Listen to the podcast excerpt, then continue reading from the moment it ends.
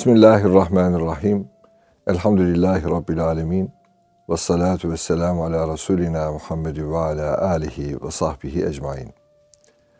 Aziz dostlar, değerli dinleyenlerimiz,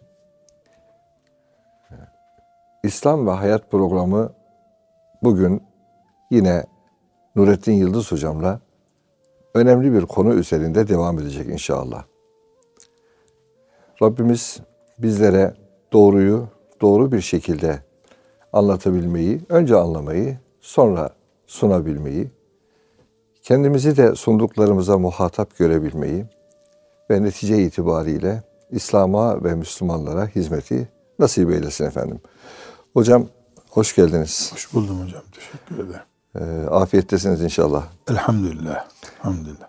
E, hocam böyle İslam ve hayat e, programımız da hamdolsun tabii seyrinde Cenab-ı Hakk'ın lütfuyla bir ırmak gibi akıyor. İnşallah Rabbimiz suyunu bulandırmadan böyle akıtmayı nasip eylesin Amin. cümlemize. Amin. Ee, Üstadım bugün şöyle bir konu üzerinde konuşalım arz ediyorum.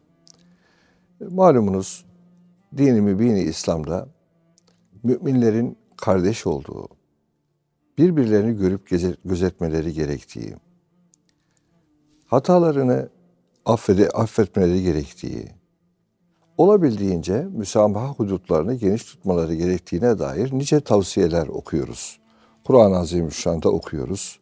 Habibullah Efendimizin sünnetlerinde bunu görüyoruz. Ee, bu noktada e, doğrusu gönüller daraldıkça e, bilemiyorum e, sanki e, sınırlarımız iyice daralıyor. Çerçeve iyice daralıyor ve insan darala darala kendinden başka kimseyi beğenmeyen bir e, konuma doğru e, sürükleniyor gibi bir hissiyatım var.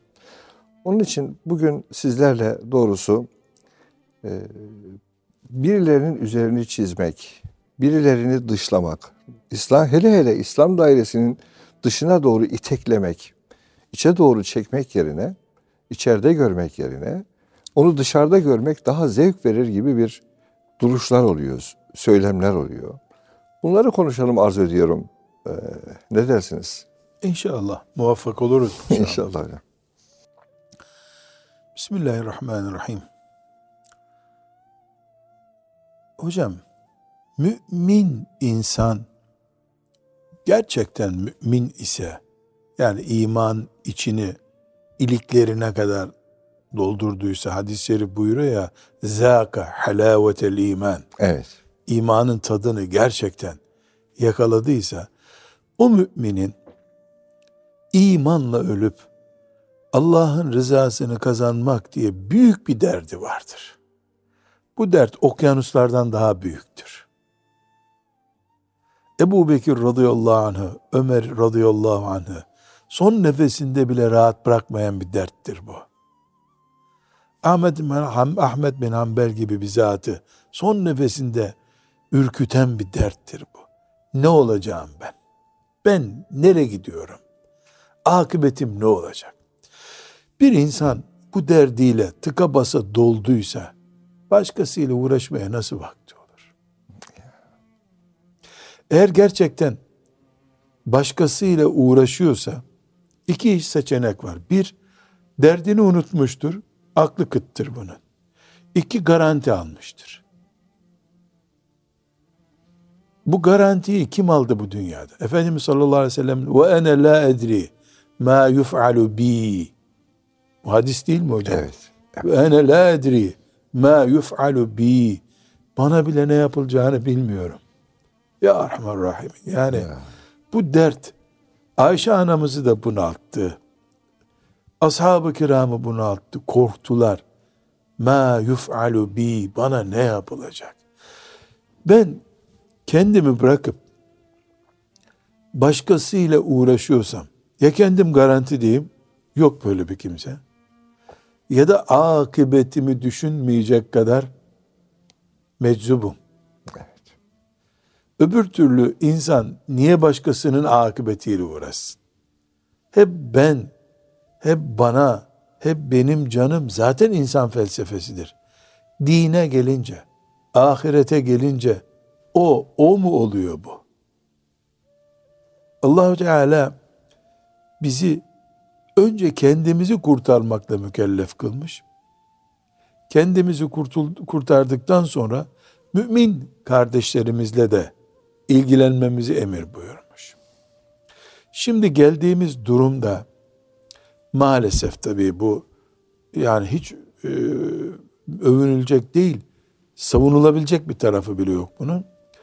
Küfürden ve kafirden hıncımızı alamadığımız için, yani cihat edemediğimiz için, kafirlere dinimizi tebliğ edemediğimiz için, kendi neslimizi yetiştirmekte beceriksiz kaldığımız için, tutup başkalarının hataları üzerinden teselli buluyoruz. Evet.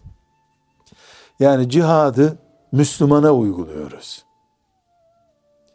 Eğitim sorumluluğumuzu başkalarının hataları üzerinden konuşuyoruz. Şu dünyada en tezat ilişkilerden birisi bu olsa gerek. Af gücümüzü kafire kullanıyoruz. Yani kafirin işte iyisi kötüsü ayırıyoruz. Müslümana gelince sıradan doğuruyoruz. Biçer döver gibi dalıyoruz Müslümanların arasına ise durumumuz bir yanlış var ortada. Evet. Hiçbirimiz Allahu Teala'nın savcıları değiliz. Bizi savcı diye görevlendirmedi Allahu Teala. Hiçbirimiz Allahu Teala'nın infaz görevlisi değiliz. Peygamberler bile yapsa infazı onlar yapardılar. Sıradan temizler giderdiler. Son noktaya kadar merhamet gösteren, son noktaya kadar umutla bekleyen, son anda bile ricacı olan Peygamber aleyhisselamın ümmetleri olarak, ona iman etmiş kimseler olarak ilk anda infaz yapmaya başlıyorsak çelişki var. Bu çelişkinin bedelini kıyamette biz ödeyeceğiz ama dinimiz şimdi ödüyor.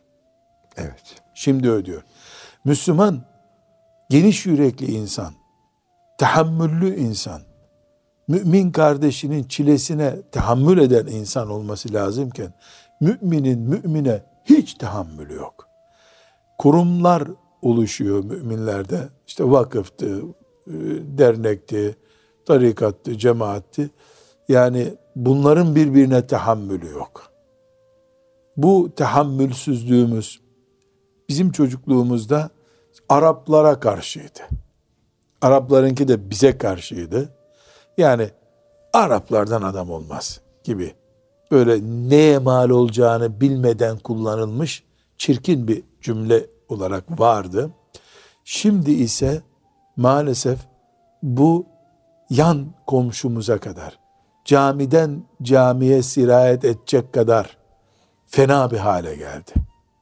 Mesela biz duyuyorduk işte filan tarikat filan tarikattan daha evladır. Onların zikri o kadar muteber değildir. Ben bu sözü 10 yaşında duyuyordum mesela. Ne manaya geldiğini de anladığım yoktu doğrusu. Çünkü ya, ya zikrin kalitelisi kalitesizi nasıl oluyor? Kim bunu karar vermiş? Nasıl onay merkezi kim bunların? Bunu hiç düşündüğümü hatırlamıyorum. Düşünmeye de muktedir değildim. Şimdi bu Müslümanın Müslüman hakkında infaz görevlisi gibi üstünü çizmek dediniz ya Evet. boğazını da kesiyor. Bunun vahşice şeklini bir örgüt kurup Müslümanları öldüren biri gördüğümüz zaman ki yabancının eliyle Kuruluyor. kuruluyor. Yabancının silahıyla Müslüman Müslümanı öldürttürülüyor. Tövbe estağfurullah ne hale geldi ümmet diyoruz. Caminin içinde bunu birbirine yapıyor Müslüman. Yani Müslümanın namusu, Müslümanın onuru, Müslümanın imanı canından değersiz mi? Oradaki, Orta Doğu'daki bir örgüt bunu Müslümanın canı üzerinde uyguluyor. Canını yok ediyor. Belki de o mümin şehit olup gidiyordur Rabbine. Büyük ihtimalle öyledir. O da katil olarak ebedi cehennemde kalmak üzere dirilecek. Nauzu billahi teala. Fakat burada müminin imanını yok kabul ediyorsun. Evet. Ahlakını yok kabul ediyorsun. İffetini yok kabul ediyorsun. Yani sadece bir örnek olması bakımından hocam Yani Efendimiz sallallahu aleyhi ve sellemin toplumunda da olsa, bugün de olsa Müslümanın iffeti kıyamete kadar değerlidir. Veda haccı kalitesinde değerlidir hem de. Efendimiz sallallahu aleyhi ve sellem'e veda haccındaki konuşmasında bu Mekke nasıl bir şehir soruyor. Bugün yani kurban bayramı günü nasıl bir gün? Muhteşem gün ya Resulallah. Sonra ne buyuruyor? İşte Müslümanın malı, canı, onuru böyledir diyor. Evet. Her bir mümin Kabe kadar değerli demek ki. Evet. Her bir mümin Mekke kadar kıymetli, haram ayı kadar muharrem, saygın demek ki. Peki bu değer günah yüzünden silinebilir mi? Yani mümin günah işleyince Allah'ın ona getirdiği saygınlık kayboluyor mu? Hayır. Kelime-i tevhid üzerinde durduğu sürece asla kaybolmaz. Ashab-ı kiramdan da günah işleyenler oldu. Silip attı mı onları Allahu Teala? Mesela Hatib bin Ebi Belta'a radıyallahu anh sahabi mi sahabi var mı bir itiraz? Bedir halkından Allahu Teala'nın e, mübarek kabul ettiği 300 küsür sahabiden biri e, vatana hıyanet diyeceğimiz en büyük kabahatlerden birini işledi. Resulullah sallallahu aleyhi ve sellem'in savaş sırrını ifşa etmeye kalktı. Yani bu dünyanın her yerinde idamla cezalanacak. İdamlık bir suç bu. Doğru. Bir sistem var mı bunu idamla yargılamıyor? Ya ömür boyu hapis diyor idamı kabul etmiyorsa ama bu affedilir bir suç değil. Kimse buna merhamet göstermiyor. Ama geçmişi var diye Efendimiz sallallahu aleyhi ve sellem ne yaptı? Ömer radıyallahu anh'ı nasıl ikaz etti? Ömer ne ileri gidiyorsun? Bedir mücahidi bu ne yapıyorsun buyurdu. Bitirmedi yani.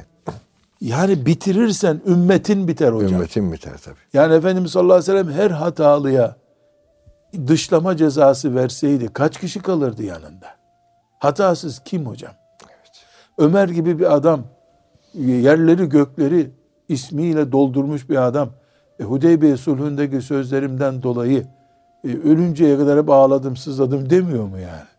Hiç kendisini bile affetmeyeceği yani ben nasıl böyle dedim diye kendi kendini affetmeyecek kadar atsaydın Ömer'e atardın. Nasıl atacaksın? Kime atıyorsun? Atmak değil toplamak dinindeyiz biz. Yani çok önemli hocam ya. Gerçekten bugün hani işte ötekileştirme, e, öteye doğru itme, e, bu alan benim olsun. E, Ene hayrun minhu şeytanın sözü adeta. Ben ondan daha üstünüm. Tabii mantık şeytan mantığı. Tam şeytan mantığı. Ene hakikaten ene hayrun minhu e, mantığı. Ben ondan daha hayırlıyım, daha üstünüm mantığı. E, şeytana nispet edilen bir söz yani Kur'an-ı Azimüşşan'da. E, böyle olunca sanki başkalarının e, ayıplarını örtmek ayıpsa şayet, e, efendim hatalarını bir şekilde ikaz edebilecek niteliğimiz varsa, kalitemiz varsa, üslubumuz varsa, uyarmak varken, yani settarul uyup vasfı, ayıp örtücülük vasfı olması lazım gelirken, Men setara ala ahil muslim. Evet. Yani bunu e, ne bileyim sanki bir yerlerde alamele innas denir ya hani herkesin içinde birilerini düşürmek, gözlerini düşürmek e, ya da ayağını kaydırmak, öyle göstermek maksatlı e, zaman zaman bu tür gerçekten yanlışlara düştüğümüz oluyor. E, Vazifemiz mi hocam? vazifemiz mi? Müslümanın vazifesi mi? Diyelim ki onda hata var. Vazifen mi? Nereden yetkilendirildin sen? Hocam allah Teala akıbetimizi hayır etsin. Amin. 5 yaşında hafıza babam beni başlatmış. Demek ki 62 yaşındayım. 50 yılı devirmişim Kur'an'la meşgulüm. Elhamdülillah. Elhamdülillah. Ama ayağımızın ne olacağı, kalbimizin ne olacağını sadece Allahu Teala bilir. Akıbetimizi hayır istiyoruz. Amin. Şu adam tamam ehli sünnettir desem cehenneme girerim. Değildir desem cehenneme girerim diye korkuyorum. Yani bir cesaret delilik geliyor bana bu cesaret. Nasıl bir cesaret? Ne karışıyorsun adamın kalbine? Yani Allahu Teala kalpleri biliyor. Alimun bizati sudur sadece Allahu Teala. Evet. Yani Efendimiz sallallahu aleyhi ve sellem bile ne buyuruyor? Dışa göre karar veriyorum buyuruyor. Evet. Kalbinden ne geçiyor bilmiyor. Dilini ve dudağını okumuyor kimsenin Efendimiz sallallahu aleyhi ve sellem. Onca azametine rağmen, Cebrail aleyhisselam özel bilgi getirirse bu böyle yaptı buyuruyor. Kimsenin dudağını okumuyor ama. Evet. Değil mi? Evet. Cebrail aleyhisselamı getirdiğin saat. Şimdi hocam yani doğru dürüst hafız değil. Bırak hafızlığı her gün bir cüz Kur'an okuduğu sabit değil. Ben şahidim ehl sünnettir bu. Şahidim şöyledir. Ya kim kime niye şahit? Niye şahitlik ihtiyacı hissediyorsun? Evet. Niye birbirimizin savcısı olmaya mecbur hissediyoruz kendimizi? Evet. Bu tasnifi zannediyorum hocalar olarak biz çok mübalağalı, böyle iddialı, yönlendirici konuştuğumuz zaman sıradan Müslümanlar da kendilerini bu infaz savcılarının özel kalemi gibi görüyorlar herhalde. Evet. Ve herkes birbirinin dinine puan biçiyor. Din Allah'ın, cennet Allah'ın, cehennem Allah'ın, kimin nereye gideceğine karar veren e, yok biz. Biz böyle bir yetki. Yani bu uçuk yetkiyi kendimizde görmemiz bir sui edep her şeyden evvel. Evet. Yani akıbetim benim belli değil ya. Ben nasıl garantideyim? Başkasının akıbetiyle ne uğraşacağım? Emri bil maruf yaparım. Evet. Nehy anil münker yaparım. Karar vermem. Evet. Karar vermem. Yani ne biliyorsun Allahu Teala'nın onun bunu kalbine ne karar verdiğini Efendimiz sallallahu aleyhi ve sellem yani Üsame'yi uyardığında ne kadar üzüldü değil mi? Evet. Ne kadar üzüldü. Ne biliyorsun sen onun niye bunu kelime-i tevhidi söylediğini. Yani namaz kılışındaki bir şekil fıkha uygun değil. Ya camiye geldiğine şükürler olsun deme zamanında mıyız biz? Ya yüzde yüz e, Medine'deki namazı kılar ya da yok kabul ederiz deme zamanında mıyız? Din kökten sallanıyor. Kimsenin çocuğunu Müslüman yetiştirmeye bir garantisi olmayan bir zaman. 50 yaşında insanlar, 40 yaşında insanlar, 30 yaşında gençler yani İslamiyet hakkında artık gerekli mi gereksiz mi diye müstehcen denecek. Yani ahlak ve akide açısından müstehcen denecek şeyler konuşmaya başlamışlar. Bütün dünya dinimizi içinden kemirmeye çalışırken bizim vazifemiz o dışarıdan dinimizi sömürmek ve yıkmak isteyenleri yardım etmek olabilir mi? Yani bir tekmede biz mi vuracağız diyorlar ya bir tekmede o vurdu diye. Öyle mi yapacağız dinimizi? Evet kafiri bağrımıza basacak halimiz yok. Zındığı içimizde bağrımıza basacak halimiz yok. Ama bir şey çok önemli hocam. Münafıklık mesela yer yer konuşuyoruz. Onca azametli bir tehlikeli bir durum değil mi? Yani cehennemde Elbette. kafirden daha aşağıda olacak. Evet. Kafirin kafiri. Yani gavur oğlu gavur denir ya hakaret için. Gavur oğlu gavur münafık. Buna rağmen İmam-ı Azamlar rahmetullahi aleyhim cemiyan o büyük adamlar filanca münafıktır dememek için zındık kelimesini ihdas etmişler hocam. Zındık kelimesinin geriye döndüğümüzde yani zındık içini boşaltmak için e, çirkin manada, hain, edepsiz, din soğuğu, dine düşman manasında söylenen bir deyim zındık. Aslında bunu münafığın yerine oturtmak istemişler. Ama münafık niye demiyor? Çünkü münafık diğer direkt kafir demek bir insana. Doğru. Korkmuşlar bunu Korkmuşlar, söylemeye. Doğru. İnsan bildikçe karar vermekte korkuyor. Bilgisi azaldıkça da asıp kesiyor. Yani ameliyatta da böyle. Mesela kahvede otururken kişi bunun kalp ameliyatı olması lazım diyor. Hastaneye götürelim bunu. Hiç adam hayatında aspirin kullandığı yoktur. Ameliyat kararı veriyor. Ama doktora gidiyorsun. Bu ameliyat riskli bunu yapamam diyor. Cerrah korkuyor. Vatandaş korkmuyor. Korkmuyor. Dinde de böyle. Yani evvela vazifemiz mi bizim bu? Allah bize böyle bir görev verdi mi? Hocaya bu görevi verdi mi Allah? Alime verdi mi bu görevi allah Teala? Yani İmam-ı Azam Efendimiz rahmetullahi aleyh halifelere karşı içi nelerle doluydu ki kabul etmedi görevi değil mi? Yani sizde görev mi alınır gibi bir tepki gösterdi. Ama bir kelime duyuldu mu ondan bu serseriler şarkıcı dinliyor. Dolayısıyla bunların arkasında namaz kılmaz bunu da söylemedi. Evet. Bir kendine ait tavrını gösterdi. Ümmete bir kavga hatırası bırakmadı. Evet. Bıraksaydı talebesi Kadir Kudat olamazdı. Değil mi? Evet. Yani onun tavır gösterdiği devlete 20 sene sonra talebesi başkadı oldu. Ne başkadısı Harun Reşid'in bir numaralı adamı oldu. Demek ki o kendi içindeki duyguları kurallaştırmadı. Kendine sakladı onu.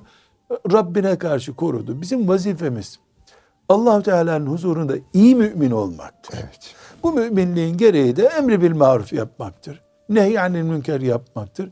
Ama hiçbirimiz asla ve katta hoca da olsak, sıradan Müslüman da olsak, cami imamı da olsak veya bir akraba meclisinde de olsak dışlama yetkimiz yok bizim.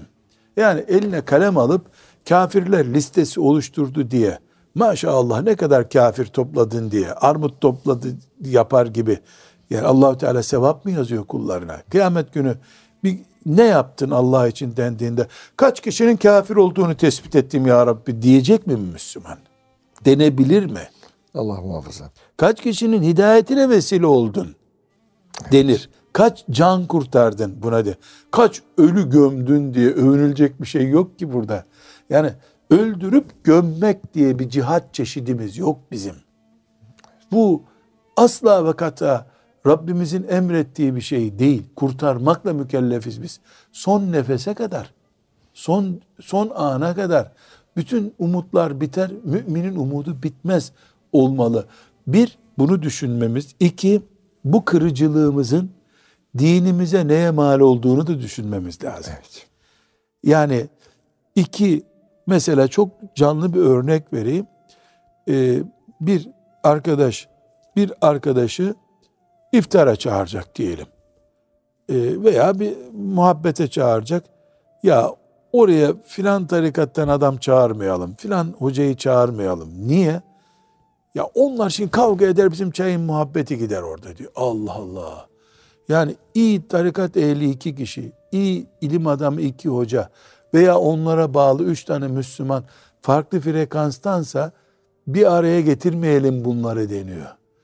Bu çok kötü bir şey hocam ya. Çok kötü bir şey tabii hocam. Demek ki yarın Allah muhafaza buyursun bir 20 sene sonra filanca tarikatın haç yılı, filancanın vakıfın haç yılı diye haçta da farklı zamanlarda gideceğiz. Orada kavga ederiz çünkü.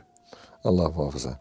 Hocam kısa bir ara verelim. Ee, inşallah e, şerh-i sadrı konuşalım biraz. Gerçekten gönüllerin genişlemesi, imanla genişlemesi ne demek, İslam'la genişlemesi ne demek?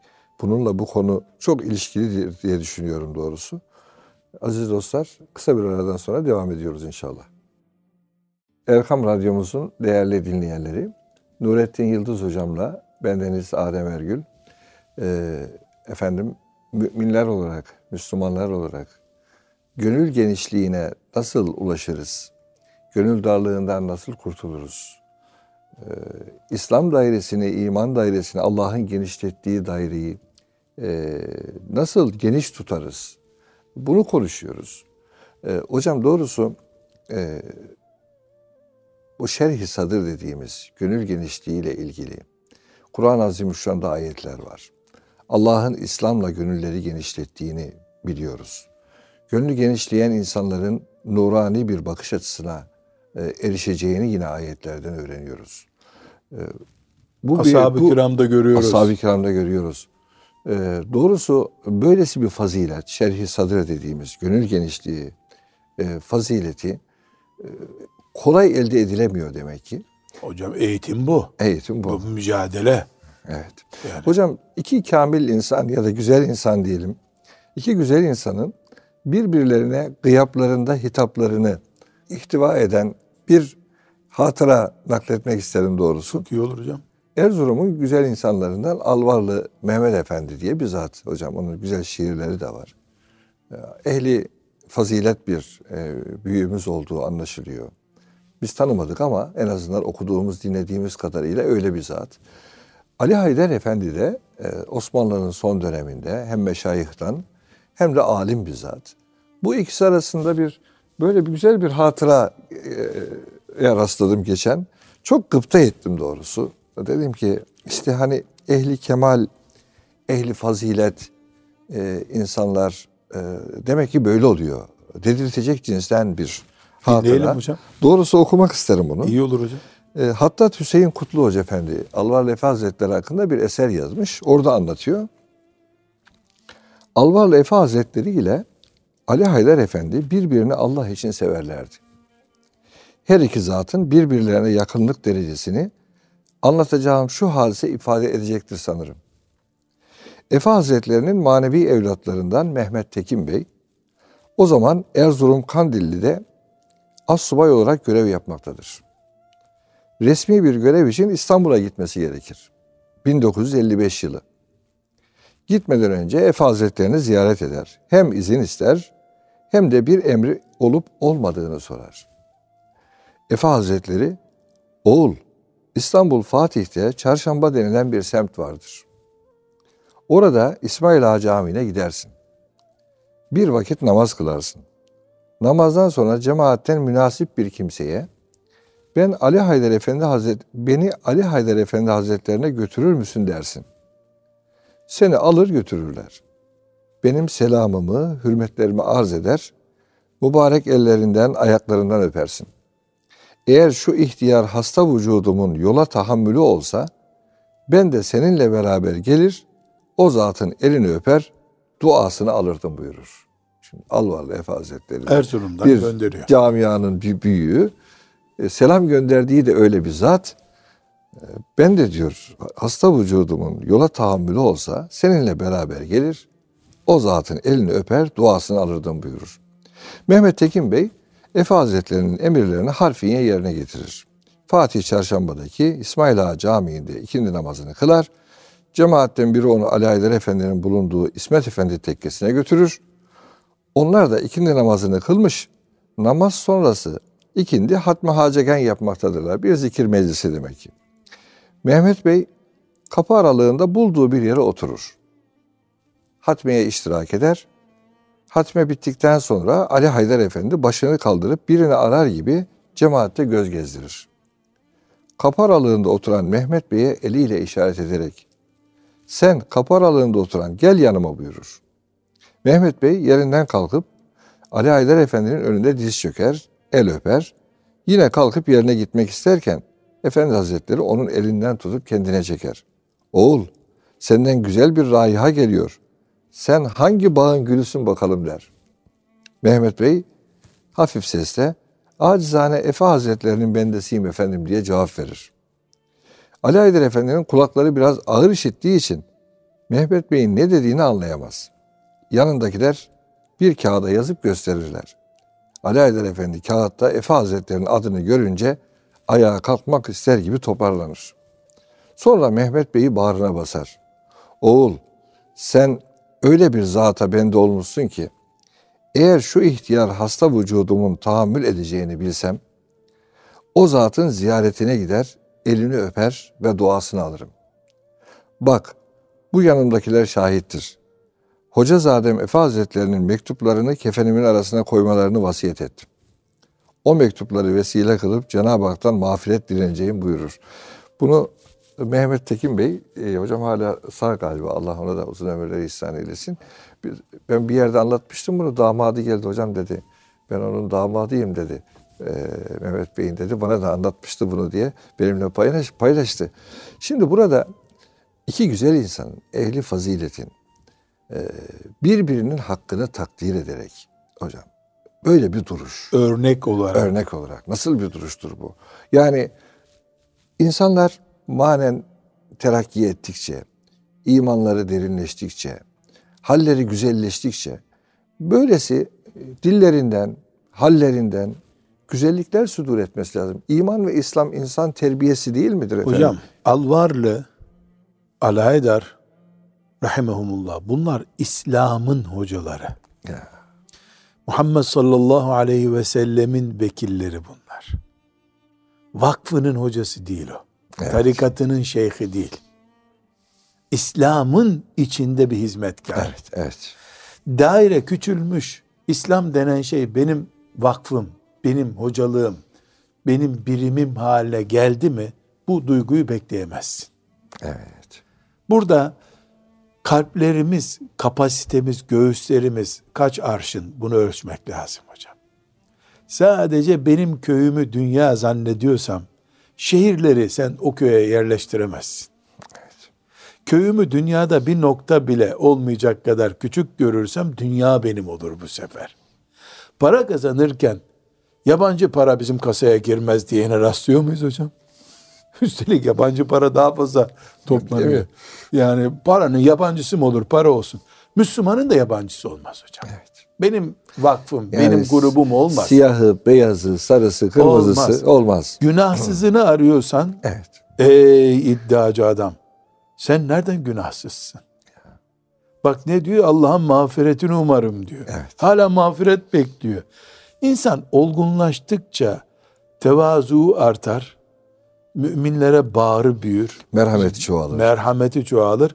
Cahilleştikçe veya ilminden ihlas gittiği sürece de kendisini bir put haline getirir. Evet. Kendi kendine tapı, aynaya bakar, kendisine secde eder o zaman. Olur bir tür.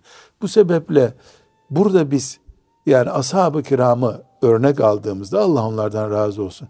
Nasıl bütün insanlığı bağırlarına basmışlar. İş Allah'a karşı isyana gelince asla affetmemişler ama. Çünkü Allah'ın kuluyum ben. Fakat birinin özelliğini karıştırmamışlar. Evet. Cımbızla insanların kılını koparmaya kalkmamışlar. Evet.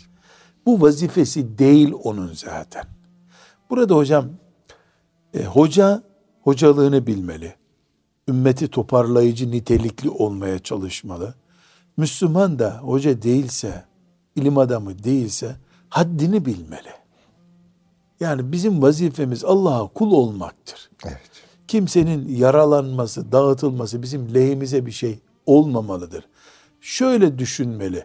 Ben bugün üç kişinin namaza başlamasına sebep olursam kıyamet günü bu beni bulacak ve müthiş bir sevap kazanacağım. Ama üç kişinin namaz kılmadığını tespit edersem böyle bir sevap çeşidi yok. Evet. Camiye gelenler birbirlerinin şahidi olacaklar. Camiye gelmeyenler de caminin dışındakiler olarak bir araya gelecekler kıyamet günü. Dolayısıyla biz haddimizi bileceğiz. Vazifemizi bileceğiz. Merhametimizi coşturacağız. Toplayıcı niteliğimiz, dağıtıcı niteliğimizin önüne geçecek. Hiç dağıtmamaya çalışacağız. Ve bileceğiz ki bu ümmet şarabı içeniyle, kötü işler yapanıyla, hırsızıyla vesairesiyle öbür tarafta da ehli şeriat, zikir ehli, takva insanları hepsi bir arada ümmettir. Hep böyle bir ümmetiz biz. Kafir elbette bizden değil. Günahı artan arttığı kadar günahı bir kenarda duruyor. İmam Zehebi'nin çok güzel bir sözü var hocam. Allah ona rahmet etsin. Evet. Diyor ki eğer alimleri baz alıyor. Biz alemi şu günahından dolayı, şu yanlış sözünden dolayı dışlayacak olursak ne alimimiz kalır ne Müslümanımız kalır diyor. Öyle yapmıyoruz da ne yapıyoruz diyor. Büyük bir alim olarak bunu söylüyor. Ne yapıyoruz diyor. Sevapları ve günahlarını tartıyoruz diyor. Evet. Bakıyoruz ki sevabı, fazileti çok fazla. O zaman onun hatalarını Allah'a salıyoruz diyor. Evet. Hatta onlar için de dua edivermek lazım hocam. Bak birbirimiz için istiğfar diye bir şey var değil mi efendim? Hocam ne demek? Rabbena ufir lena ve ihvanellezine sebekuna bil iman. Bil iman. Bizden yani. önceki müminlere bırak bizimkilere şimdi. Burada hocam çok önemli bir nokta var. Peki hata yapıyor filanca şahıs. Bu hatayı söylemeyeceğim mi? Söyleyeceğim tabii. Tabii. Selamun aleyküm. Ben filanca, sen de filanca mısın? Evet. Şu tespite katılmıyorum. Siz yanlış söylüyorsunuz bunu. Derim. Evet. Bunu demezsem müminlik vazifem yerine gelmez. Teşhir ederek değil. Evet. Ta'yir değil. Islah yapıyoruz biz. Ta'yir ne demek? Herkesin önünde teşhir edip batırıyorsun adamı. Bu ne oluyor? O da inatlaşıyor. O yanlışını kendi putu haline getiriyor. Savunur hale geliyor. Tabii yanlışı savunmaya mecbur evet. ediliyor. Nefis taşıyor çünkü. Tabii. Nefsini kışkırtmadan bunu yapıyoruz. Bu baktık ki fayda etmiyor. Adam devam ediyor. Mikrofonun önüne de mi geçerim? Geçerim tabii. Selamun aleyküm ve aleyküm selam. Ey beni seven kardeşlerim. Ben şöyle bir söz duyuyorum. Bu sözün yanlış olduğu kanaatindeyim. Bana göre bu söz yanlıştır. Üzerime düşeni söyledim. Allah'a emanet olun. Onu yine teşhir etmedim. Yaralamadım. Yaralamayınca bu şekilde kendimizi yani Allah katında doğruyu anlattığım için vebalden kurtuldum. Düşün. Evet. Sonra baktım ki adam ilerletiyor. Bunu kamuya mal etmeye başladı. Müdafaa edip teorileştirdi bunu yani. Evet. Mesela nedir ki? Yedi değil dokuzdur diyor. Halbuki şeriatımız yedi diyor bir şey için mesela. Evet. Sanal bir şey.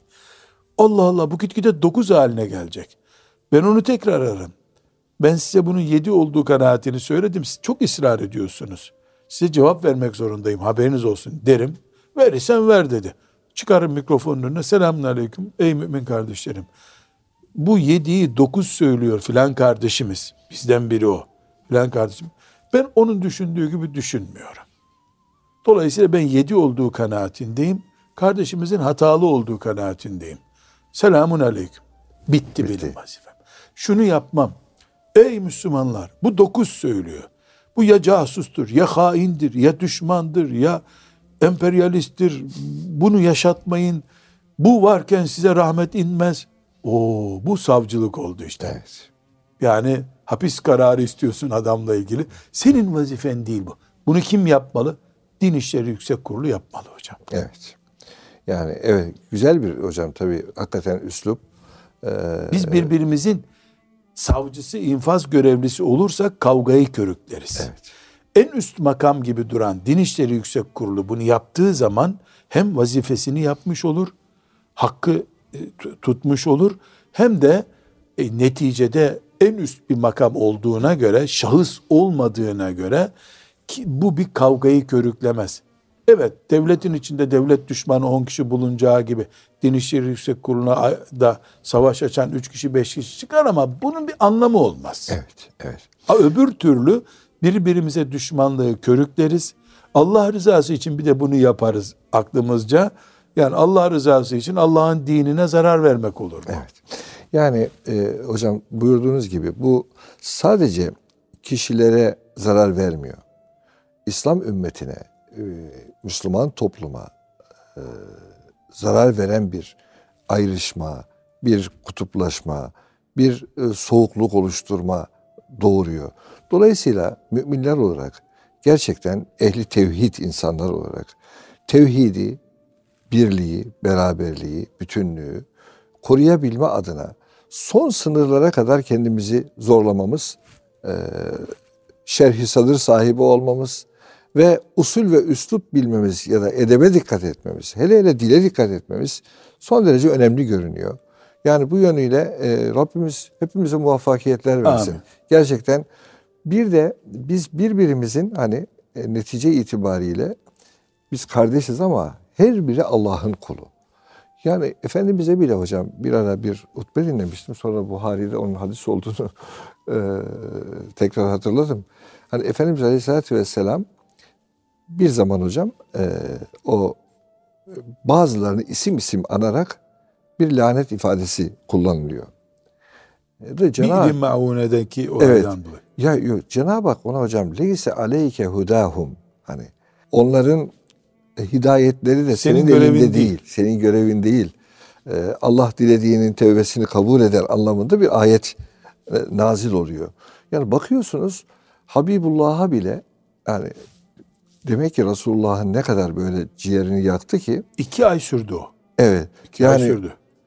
Buna mukabil Resulullah'a bile diyor ki sallallahu aleyhi ve sellem Sen onlar, devam et, ha, onlardan da ümidini kesme diyen Tabii. bir Rabbimiz var. Onlar da benim kulum Tabii. diye sahiplenen bir Sabah Rabbimiz. Sabah namazında hocam evet. isim vererek beddua etti. Evet. Evet. İsim verdi. Onları sana havale ediyorum ya Rabbi dedi. İki ay sürdü bu. Evet. Ama sonra kalktı. Evet. Yani e, şunu ifade etmek istiyorum e, hocam. Doğrusu e, biz müminler olarak birbirimizin gıyabında bile onların lehinde e, dua edebilecek, Ya Rabbi affet diyebileceğimiz, Ya Rabbi bağışla diyebileceğimiz bir gönül genişliğine e, sahip olmamız gerekiyor. Çünkü Kur'an bize bunu e, istiyor böyle müminler olmamızı. Habibullah Efendimiz böyle müminler olmamızı istiyor. Ne zaman böyle birbirimiz hakkında iyi duygular besleyen müminler olursak galiba e, Cenab-ı Hakk'ın rahmeti üzerimize daha çok gelecek. Babamdan bir hatıra nakledeceğim hocam. Ee, Mehmet Aşık Kutlu rahmetullahi aleyh'ten işte aşire-i takrib okuyorlar. Ee, Trabzon'un işte Of ilçesinin bir köyündeler. Ee, Hoca Efendi'den ders okudukları esnada bir en, en küçüğü 15 yaşında olan koca koca talebeler. Ee, bir gün birisi geliyor, o da herhalde hoca kılıklı ya da hoca gibi birisi açıyor ağzını, yumuyor gözünü hoca efendiye talebelerinin önünde hakaretler ediyor. İşte şunu niye şöyle dedin, niye böyle dedin gibi. Hoca efendi de çok halim selim bir insanmış. Yani bir kere konuşur, konuşunca imza olur konuştuğu bir zatmış. Rahmetullahi aleyh, elini öpmek bana nasip olmuştu çocukken. Ee, hoca efendi böyle dinliyor, dinliyor. Adam rahatlıyor, gidiyor. Babam da dedi ki çok üzüldük dedi. Hocamıza bizim gözümüzün önünde yani keşke bize bir işaret etse de adamı kapının önünde doğrasak diye düşündük diyor. Bunlar tabi delikanlı her biri. Ee, sonra büyüklerinden biri e, hoca efendi demiş çok hakaret etti size bu bir cevabı hak etmemiş miydi? Demişler hocalarına. O da hiç istifini bozmamış. Öyle öyle çocuklar ama o bu gece nasıl uyuyamayacak göreceksiniz demiş.